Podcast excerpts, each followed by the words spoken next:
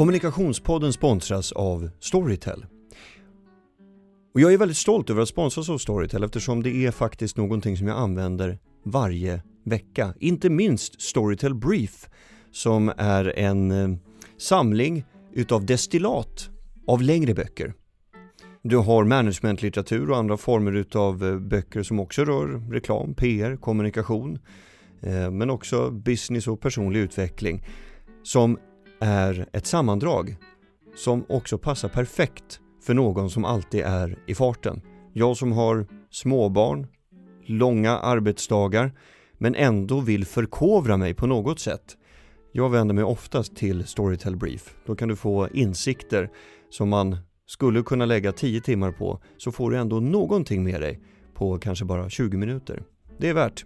Så jag får min bildning i vardagen tack vare Storytel Brief. Okej, okay, då fortsätter kommunikationspodden.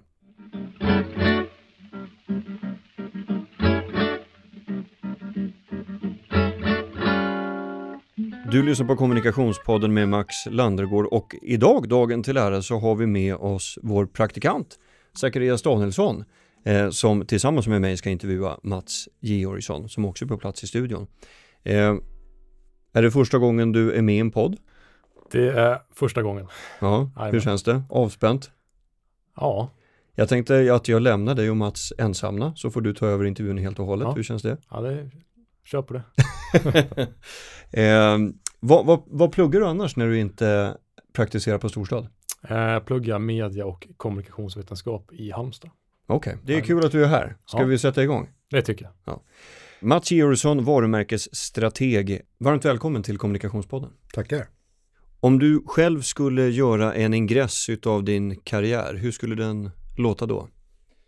Jag brukar säga så här att jag ville jobba med reklam redan när jag gick i gymnasiet. Jag var jättefascinerad av det och tyckte att det var eh, det var någon gammal Tom Hanks-film faktiskt när han eh, spelade reklambyråchef och eh, förklarade att det var det mest tvärdisciplinära du kunde hålla på med och det tyckte jag var jättespännande.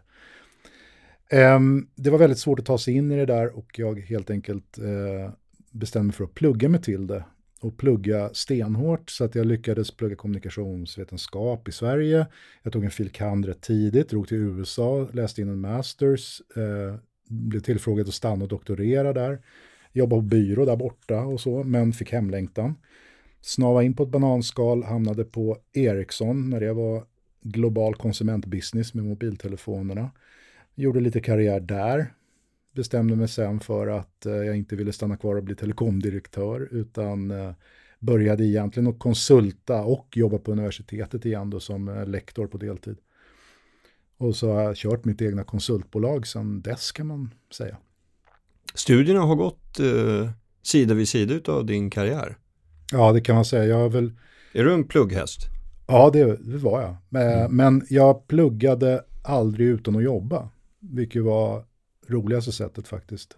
Så att jag jobbade alltid på byråer och så vidare parallellt med att jag höll på akademiskt. Vilka år arbetade du på byrå i USA? Det, jag bodde där 92 till 97. Mm. Vad hette byrån du var på? Den hette Mason and Madison som jag praktiserade på. Det var en liten byrå uppe i uh, New Haven där uh, kronprinsessan faktiskt, uh, tror jag samtidigt gick ett tag på Yale, om jag minns rätt. Det där ligger i alla fall. Så... Hur skulle du beskriva byråkulturen i USA på 90-talet? Eh, 50% Mad Men och 50% svensk reklambyrå idag. Mm. Det var ganska lätt. ja, eh, och vad, svensk reklambyrå idag, vad är det för dig då? Nej, men alltså det är ju en ganska avspänd, ganska informell, inte kanske lika glamorös sak som det var. Eh, det är väl lite mindre märkvärdigt idag, på gott och ont på sätt och vis. Eh, och eh, jag ska inte uttala mig så mycket heller, för jag har ju, jag är ju ett konstigt djur. Jag har ju på något vis mina rötter i reklam, men jag har ju i princip inte jobbat med reklam, fast väldigt nära hela mitt yrkesliv. Vad, vad har du befunnit dig då? Ja, alltså, egentligen kan man ju säga som så att eh, i och med att jag av olika anledningar blev strateg redan från början så blir det ju liksom när man doktorerar att man får inte vara med på de där skojmötena utan det är bara så här vad ska vi vara om tre år sådana där jobbiga frågor. Vilken målgrupp ska vi nå och sånt. Då var det ganska fort som liksom man blev tvungen att ta ställning till så mycket mer än kommunikation. Så jag brukar ju liksom förklara det som att kommunikation är jätteviktigt för eh, att bygga varumärke. Men det är långt ifrån det enda och faktiskt påtagligt ofta inte det viktigaste, utan det tenderar ju att vara erbjudande, det kan vara distribution, eh, det kan vara service eh, och personliga bemötanden och så vidare som är mer viktiga för varumärket än vad så att säga en eh, masskommunikativ ansats då, om vi säger så, eh, kan åstadkomma. Mm. Det där är mycket intressant. Finns det några, eh, nu har inte jag bett dig förbereda dig på det här, så du får ju ta eh, spontana exempel om du kan uppringa det. Eh, finns det några organisationer som du spontant kan eh, tänka på som är väldigt skickliga på till exempel service management och därför kommer mycket längre i sitt varumärkesarbete jämfört med några som kanske har en avsatt budget för att arbeta med varumärket men inte har kommit lika långt? Oh, det där, den frågan.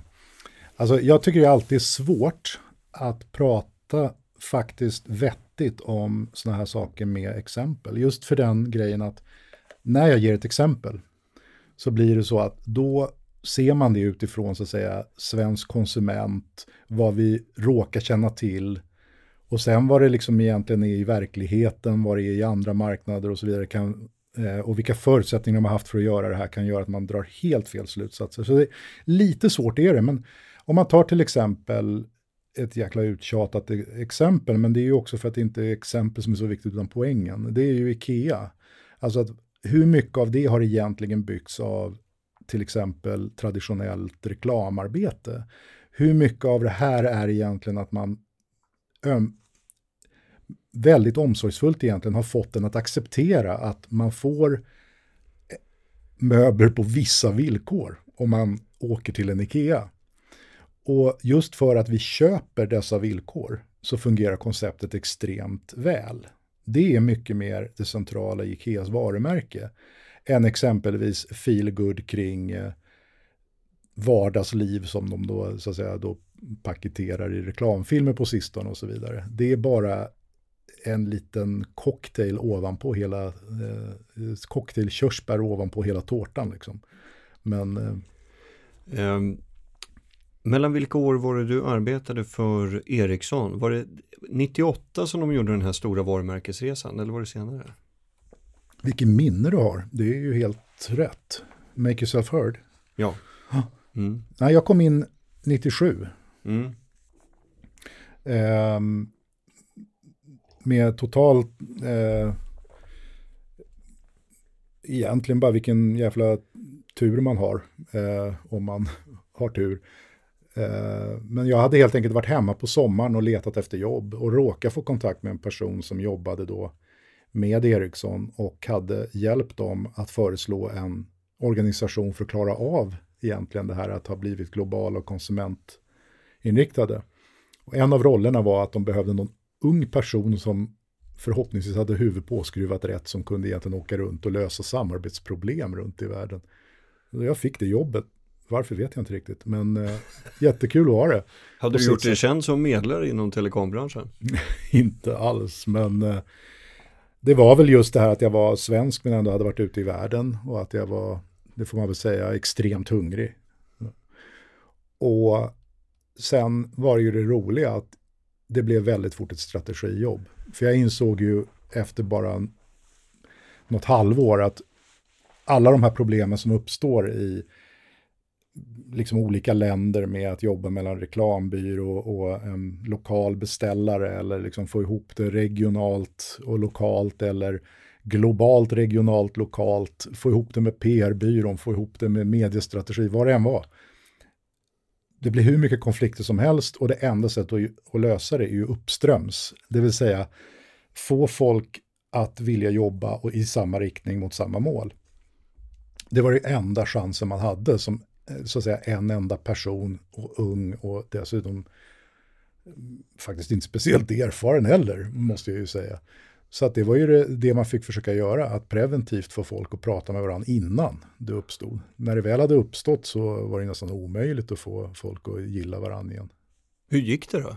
Jag tänker bara, det, det här är ju mina fördomar som du gärna får eh, bekräfta eller dementera, men, eller motbevisa. Men jag tänker bara spontant, precis som du själv var inne på. Ung, hungrig, inte jätteerfaren. Eh, en, som Ericsson var då, enorm organisation. Eh, många schatteringar, komplex, många olika yrkesdiscipliner och här kommer någon utifrån och in som har ett väldigt svårt uppdrag. Att medla och få folk att må bra. Ja. Hur, hur tog du dig an kulturen när den manifesterades i de medarbetarna som du mötte? Alltså, jag hade ju, jag hade ju några bra moments. Min chef sa en dag till mig så att Mats, du vet, jag tror att du kanske tror att det liksom någonstans här finns ett rum fullt av så här seniora personer som verkligen har koll. Det finns inget sånt rum. Gör ditt bästa bara, liksom, för det blir nog inte bättre. Liksom. Och det, det är klart att, och det försökte jag faktiskt också egentligen på, på mitt sätt förmedla till folk på Ericsson ibland då, att liksom, byråerna vill nog vårt bästa ändå. Vi kan ha synpunkter på hur de tar betalt, om de är överbetalda, eller så här, men de vill nog ändå att vi ska lyckas tillsammans, om vi kan utgå ifrån det. Och att de kanske kan grejer som vi inte kan. Så eh, jag minns, jag blev intervjuad faktiskt av Resumé någon gång eh, eh, i den där vevan, för de var nyfikna på jobb jag hade fått. Och, eh, den reporten associerar till Piaget och barnpsykologi, att liksom, eh, man skulle utvecklas genom att få utmaningar. Och det, ja, lite så. Eh, att försöka få bägge sidor att se att det fanns kompetens på andra sidan bordet och sådär. Vi har ju Zacharias Danielsson med oss här idag, eh, en av storstadspraktikanter. Jag ska snart släppa in dig också, eh, för Zacharias har också förberett ett antal frågor som han givetvis ska få ställa till Mats. Eh, men innan det så var jag bara nyfiken på varumärket som, vi, som Ericsson hade. Vi ska ju komma till det nutid också för all del, men, men jag är ändå nyfiken på det för det var en väldigt drastisk förändring. Från tre diagonalt ställda mörkblå streck till någonting som såg ut som något som du kastar in eh, i tvättmaskinen. Mm. en tvättmaskinskapsel, eh, eller eh, tvättmedelskapsel. Eh, hur såg den resan ut och hur, vad hade du för roll i den?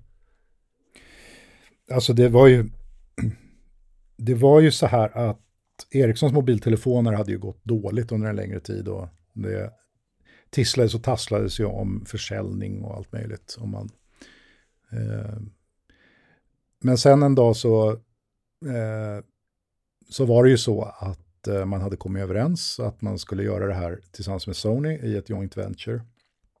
Och då kan man säga så här att det intressanta var att vi hade hållit på faktiskt med en eh, brand revitalization, alltså en, en ny strategi för att inte bara kommunicera men kanske också ge eh, bolaget själva en ny syn på vad vi egentligen var till för och vad vi skulle, vad vi skulle tillhandahålla på marknaden och så vidare. Som vi trodde mycket på, men sen kom ju det här emellan och då konstaterade ju vi som var inblandade i det då att eh, det gav helt nya förutsättningar. Um, och eh,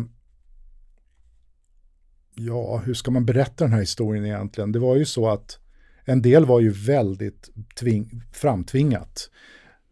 Ett sånt här bolag har ju exempelvis produkter som redan är på gång flera år fram i tiden. Och det var ju bara liksom att slå ihop och eh, synka och bestämma sig för liksom, vad ska vi ha för portfölj ungefär och sådär.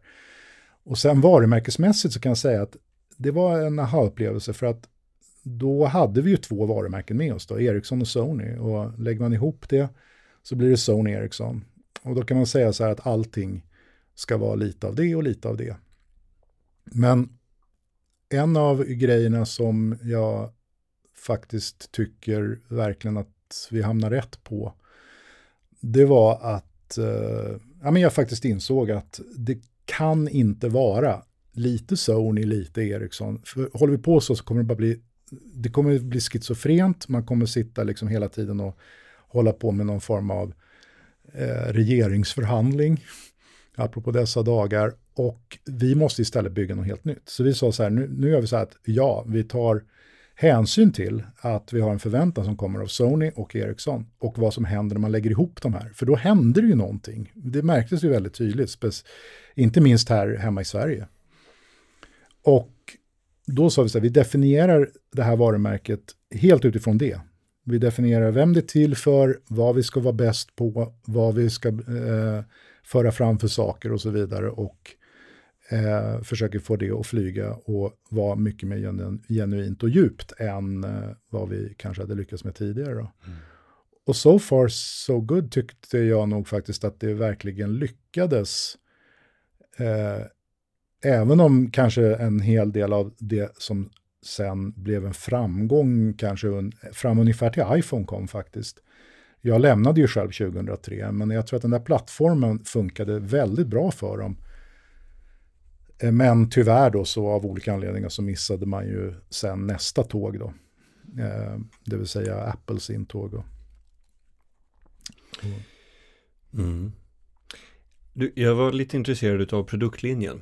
Mm. Som du själv var inne på. Du hade redan hårdvara på väg. Mm. Det fanns produkter klara som var redo att eh, skickas ut till grossister och butiker. Hur pass mycket inflytande har ni då över designen? Eller vill man ens ha det? För jag tänker bara, hårdvaran och patenten, de är på plats. Mm. Hur såg det designmässigt ut när Ericssons patent, eh, produkter låg redo att eh, gå, eh, gå in i produktion? Eh, samtidigt så pågår en varumärkesresa. Vilka ställningstaganden behövde du ta då? Ja, det var faktiskt eh, i princip det första mötet vi hade, tror jag, var just på produkter. Och då var man faktiskt betrodd eh, att hänga med och vara med på det mötet och eh, vara med i den processen. Det, det, var väldigt kul för att faktum var att eh, så var det ju inte innan. Utan eh, redan där var det en förändring. Eh, att man liksom mer såg att man kanske skulle fatta de här besluten utifrån ett marknadsperspektiv snarare än eh, liksom teknisk extrapolation. Vad som Eh, skulle liksom komma i nästa generation och så här. Efter 2003, eh, eh, gick du direkt till att köra egen låda då eller? Eller var det då du eh, gick in i IHR? Ja, eh, man gör det ju inte lätt för sig för att det var egentligen direkt 2003 så gick jag in och började jobba som lektor. Det var lite av en slump. Eh, det var en av mina tidigare lärare från universitetet faktiskt som var sjukskriven en period och jag blev tillfrågad om jag kunde hoppa in och köra lite och så tyckte, om någon anledning så tyckte studenterna på IOR om mig och tyckte att jag skulle eh, få en inbjudan igen då så att säga och så och då eh, bestämde dåvarande prefekten då, Rickard Wahlund, eh, snackade med mig och eh, han är på Handels nu som professor. Så att jag började jobba och det blev tio år till slut. Men jag gjorde det aldrig på heltid. Jag gjorde det mellan 30 och 50 procent. Jag höll allt möjligt från psykologi, marknadsundersökningar och marknad, marknadsföring generellt eh, och affärsutveckling, affärsstrategi, varumärken. Så jag hade i stort sett, ja, jag provade nästan de flesta kurserna tror jag. Eh, och köra dem. Så det, var, det var kul. Ehm, Men då hade du en egen verksamhet alltså vid sidan av? Ja. Mm. Just det. Eh, vilken typ av eh, frågor är det som kunder vänder sig till dig med? Om det är folk jag inte känner så tenderar det ju att vara att de har blivit uppköpta eller har köpt något eller så som föranleder namnändringar och sånt där. Det är ju ofta då det blir riktiga grejer. Sen har det ju varit några som har haft specifika problem och sådär. Sen intressant nog så är det faktiskt ibland också företag som går väldigt bra. Men som känner behovet av att systematisera sin framgång. Va? Det vill säga att de, de vet att det går väldigt bra, de vet att de har stark efterfrågan, men de känner inte riktigt att de har fullständig koll själva på hur de ska bevara det, därför att de kivas om det i korridorerna. Eh, men det där är väl de vanligaste anledningarna egentligen att eh, jag blir kontaktad. Hur systematiserar man sin framgång utifrån ett varumärkesperspektiv? Ja, Vad blir din roll i ett sådant arbete? Alltså jag brukar uttrycka det som så här att folk tänker sig ju exempelvis att om man har ett företag som leds av en Elon Musk eller eh, motsvarande visionär, att allting blir väldigt enkelt och de vet precis vad de håller på med och så vidare. Eh, det är ju en sanning med modifikation för den som har jobbat med starka entreprenörer någon gång så vet man kanske att det oftast inte alls är så. Men eh, att drivet finns där och så vidare. Men egentligen är det ju att kunna dokumentera någonting som faktiskt fungerar som beslutsunderlag. Här kommer väl kanske vad jag tycker att jag finns till för. Eh, och det är att väldigt många sysslar med varumärken på olika sätt. Men de löser antingen ett specifikt problem i taget. Alltså, vi behöver en ny kampanj som folk snackar om eller vi behöver nå en ny målgrupp. Eller vi behöver utveckla en ny produkt för unga människor eller vi behöver, ja ni förstår. Det jag eh, är till för är helheten. Alltså man har ett företag som är på eh, ett ställe idag, vet på något sätt att de ska ta sig därifrån till någon annanstans, men de kanske inte ens vet vad det annanstans är. Och att de behöver kunna göra det på ett systematiskt sätt.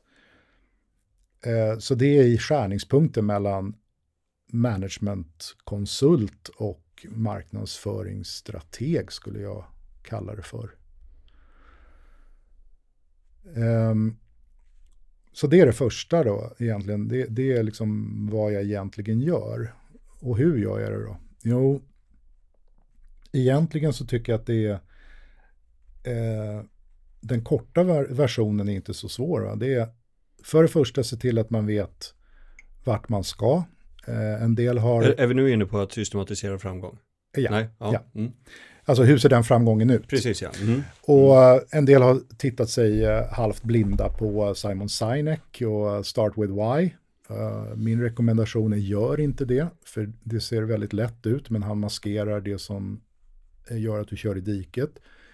Men med det sagt så du behöver en stark vision, du behöver veta, du behöver ha en tydlig målbild, för annars så blir det, annars kommer man att tappa eh, riktningen. Varför då? Jo, för nästa steg är att du måste ha en affärsstrategisk förankring.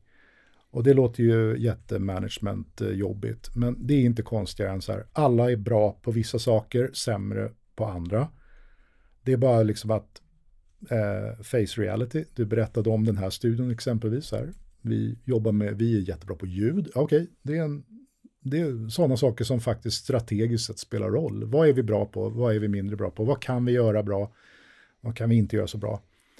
Vad vill vi? Och så vidare. Så det här blir dock lite mer invecklat, men det behöver man göra också innan man just börjar jobba med varumärket. För då är det så att säga, okej, okay, när vi har bestämt oss för vart vi vill och, och så vidare, då är det också så här, hur jämkar vi det här med att det ska finnas en kund då?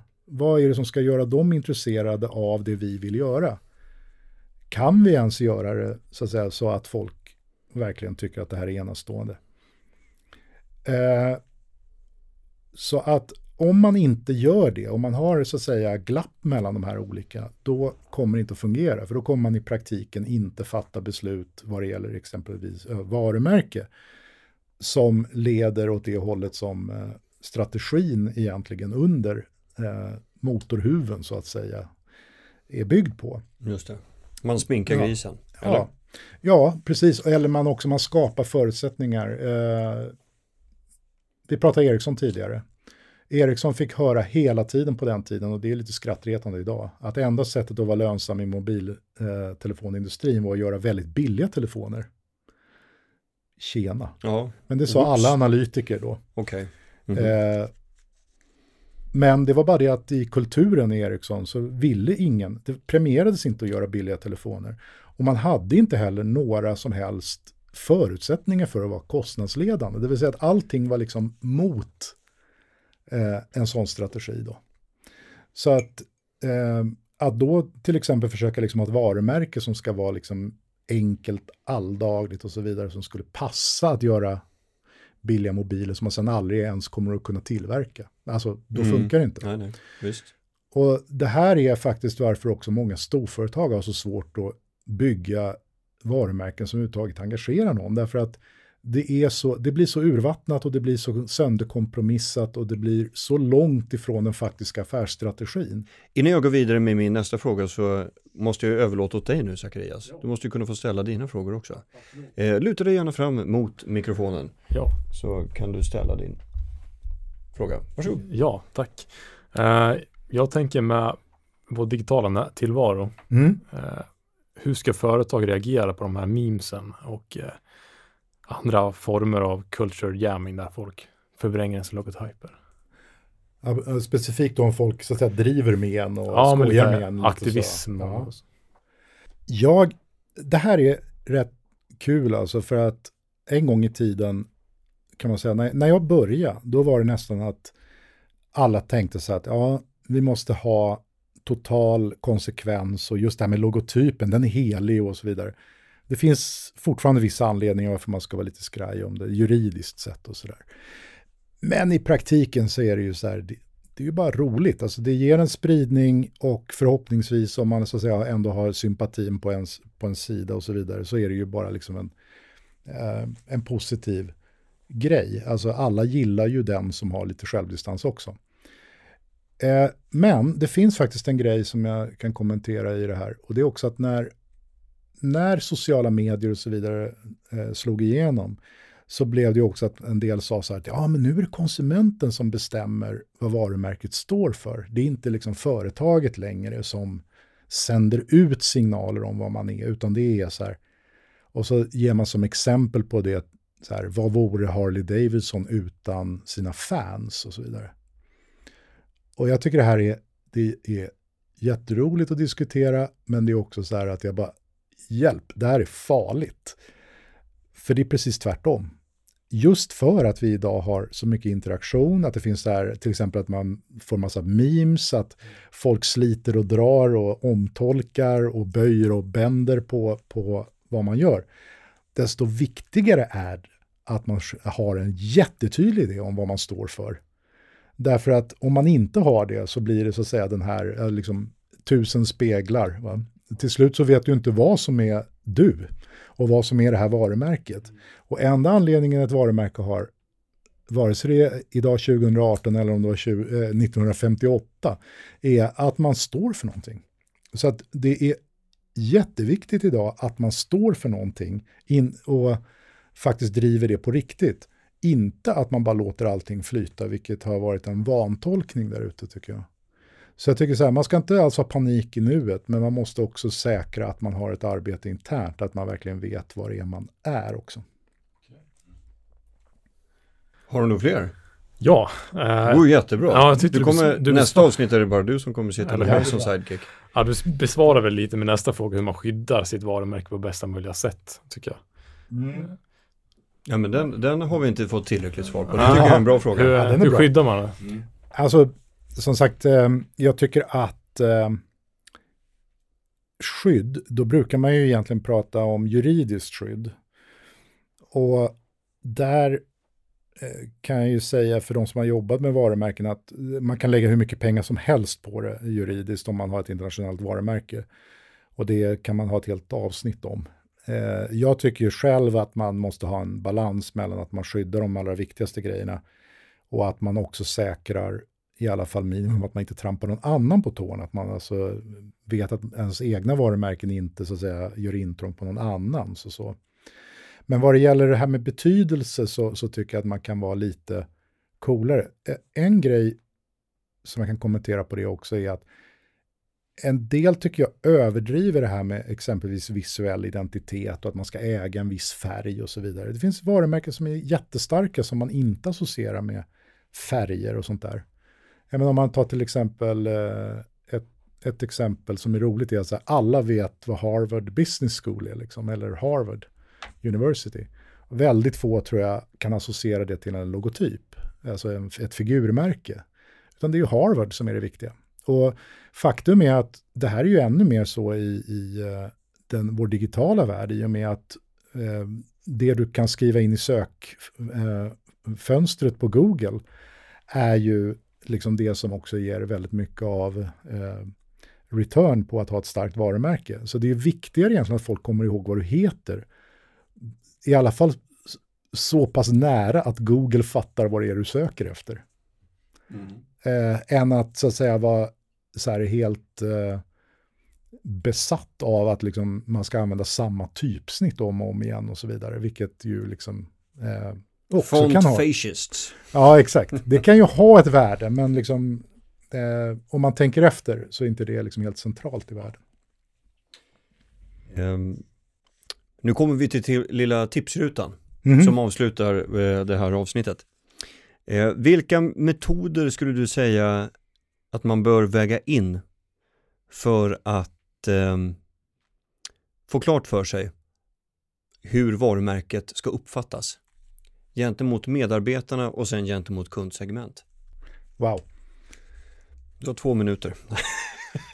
nej. Komprimerat. Exakt, nej nej, ja, nej. Det, nej men, du, du, du, har längre tid än så. Nummer ett. Ja. Eh, ställ dig alltid frågan, var någonstans byggs varumärket egentligen? Alltså om du tänker dig eh, en, en kund, om det nu är business to business eller konsument spelar ju liksom ingen roll. Tänk dig en kund. Vad är det egentligen som kommer att bygga det mesta av intrycket av varumärket? Det ger ju en hint av ungefär var du ska lägga dina insatser. Var ska man gräva då? då? Hur, hur vet man det? Ah, man vet ju. Du vet, om jag skulle jobba med eh, ett bemanningsföretag så vet vi ju liksom att det är 70-80 procent eh, Eh, själva uthyrda personalen som kommer att skapa det här intrycket. Om, eh, om vi istället har ett företag som gör någon form av eh, elektronik så vet vi att produkten kommer att vara jättecentral. Så det är ju mer liksom bara principen. Att du, det spelar liksom ingen roll om du har rätt eller fel på, några, på 10 procent eh, enheter hit eller dit, utan det är ju just det här att påminna dig om att i de flesta fall är kommunikation kanske en femtedel av vad du behöver bry dig om. Och det är mer det. Gör en sån karta. Eh, om du jobbar med manpower i kulturen jätteviktig. Om du jobbar med Dime kan du skita i kulturen, eller hur? Så att låt inte modellen styra din verklighet, utan låt verkligheten styra din modell. Så det där är, jag ritar alltid upp det där först. Då. Var någonstans uppstår varumärket? Sen är det ju, även om det eh, har varit en massa debatt, men det hinner inte jag gå in på nu då, men differentiering är viktigt. För ingen konsument någonsin blir kär i någonting som är precis som allting annat. Och även om folk idag är helt besatta av enkelheten, att eh, så, saker ska liksom vara enkla och tillgängliga och så vidare, så är det också så att väldigt få någonsin äger en hel kategori. Och i de fallen där det inte är realistiskt att du någonsin kommer att äga hela kategorin så måste du stå ut i kategorin. Folk måste aktivt välja dig. Då måste det finnas någonting som står ut. Och det måste du jobba in över alla de här kontaktytorna som vi pratade om innan. De två grejerna är det absolut centrala. Och det är ett väldigt svårt jobb i praktiken att hitta en realistisk, inspirerande, lönsam eh, hantering av de här kontaktytorna och den här differentieringen. Och det är i praktiken vad jag sysslar med eh, när jag jobbar på, på uppdrag. Så, eh, men det är där kärnfrågorna ligger. Och då kan jag tillägga en grej också. Blanda inte ihop anseende och varumärke. Och det gör väldigt väldigt många, mycket beroende på bland annat hur medierna använder begreppet varumärke i vardagstal. Ni vet, företag X gör bort sig, det här skadar varumärket. Alltså, det skadar anseendet. Varumärket skadas ju egentligen bara om efterfrågan verkligen viker. Det vill säga att nu eh, står inte längre det här varumärket för det jag faktiskt tyckte att de stod för. Att företag temporärt kan göra bort sig, det förlåter man ganska fort om man tycker att, eh, så att säga, i grund och botten, kärnverksamheten skapar saker jag vill ha. Det är därför folk till exempel förlåter Ikea hela tiden när de har gjort bort sig. Och det är ju liksom för att de just har ett starkt varumärke som i sin tur driver ett anseende kapital. Spänn aldrig anseendet före eh, eh, eh, hästen som är varumärket. Det är varumärket som drar anseendet framåt och inte tvärtom. Och den fällan har varit väldigt vanlig på sistone också. Det var två minuter. Ja, det kan man väl säga att det var. Två SL-minuter var det i alla fall. du, hur, apropå varumärken, eh, hur, eh, hur ser ditt, eh, för nu börjar vi, jag är ju en sucker för trendspaningar. Mm. Eh, och jag försöker alltid att göra situationen så obekväm som möjligt för alla gäster genom att eh, uppmuntra dem till att trendspana. Vad tror du framtiden bär i sitt sköte? Vad tror du kommer vara en prioriterad fråga för många som tänker kring varumärken under, låt säga 2019? Just 2019 är ju svårt att säga om det kommer att slå igenom, men en sak som jag verkligen tror är att det kommer att komma en, eh, det kommer att komma en form av eh, konverteringsbaksmälla. Med det menar jag att digitala eh, grejen som ju så att säga har varit väldigt teknikdeterministisk. Alltså allting som är digitalt är bra. Så därför gör vi content marketing och vi gör massa utbudsannonsering. Egentligen som förr i tiden bara, eh, man kallar ju det egentligen för fulannonser, alltså oadresserad DR och så vidare. Det gör vi helt hämningslöst idag. Fast vi gör det i sociala medier och så vidare. Och alla gör det liksom och så vidare. Men naturligtvis gradvis så kommer man att komma till precis den in, insikten som varenda eh, aktör kom till just förut vad det gällde eh, det här med sales promotion och så vidare, att du måste återbygga det i varumärke också. Och det, där har vi ett underskott. Jag skulle säga att de senaste fem åren i alla fall har präglats väldigt mycket av att man har varit mer liksom orienterat kring vad man måste göra i, med olika kanaler istället för att fundera på hur ska just vi göra det. Och det är en baksmälla som kommer att komma, att man kommer att märka att man eroderar, eh, man blir helt enkelt alldeles för lik alla andra, man eh, trashar sönder om man översäljer och så vidare. Och det, det tror jag kommer. Sen om det kommer under 19 eller 20 eller 21, det får vi väl se. Men... Tror du att det är någon särskild produkt eller tjänstedisciplin som är extra utsatt när det kommer till det där? Att differentieringen blir mer sömlös och späds ut? Ja, alltså det, vi ser det ju överallt. Alltså ta till exempel några av de ivrigaste annonsörerna. Eh, kan någon rimligen tala om för mig varför man ska välja ett nätkasino framför ett annat? Eller eh, köpa glasögon på ett ställe istället för ett annat nu? Alltså, det är ju så utbudsannonseringsmässigt nu så att eh, det går ju liksom inte att plocka upp någon signal på någonting annat än pris och erbjudande. Och det är klart att det straffar sig till slut. Har du någon avslutande fråga, Zacharias? Ja, eh, kan väl avsluta med det här klassiska uttrycket. Är all PR bra PR? Ja, alltså lustigt nog så kan man väl säga att det där har ju fått ett litet uppsving igen då med, med det här med att en bra reach är liksom bra. Att eh, en del forskning har ju nu visat liksom det här att tjatreklam faktiskt är mer effektiv än vad vi tyvärr har trott och så vidare. Och man tenderar också att glömma avsändare, det kallas sleeper effekt och så vidare. Och att man har, kanske inte ens kommer ihåg att det var negativt, men man kommer ihåg eh, och så vidare. Men nej, jag är lite mer optimistisk än så. Jag tror ju faktiskt att vi har ju en utveckling som är mer och mer mot att vi har ett överutbud i princip i varenda bransch. Vi har också en rörelse som gradvis går mot konsumtion. Vi kommer ju på sikt att bli mer och mer kräsna konsumenter och vi kommer allt mer aktivt att välja vad det är vi, vi köper och inte köper. Så att jag tror att eh, faktiskt att på sikt så kapitalismen är inte god, men den leder ändå så att säga, till ganska goda saker i längden. Och jag tror att den, det kommer att bli mycket mer en trend att av hållbarhetsskäl och sådana här saker så tror jag att varumärkena kommer att få en, en uppsving igen. Att eh, det kommer att vara viktigt att visa att man väljer rätt aktörer och så vidare. Och därvid så tycker jag att man ska vara rädd om sitt varumärke. Att det ska inte snackas eh, för mycket dåligt om det och så vidare. Mats Georgsson, varumärkesstrateg. Stort tack för att du ville ta dig tid att vara med i Kommunikationspodden. Tackar, nöje.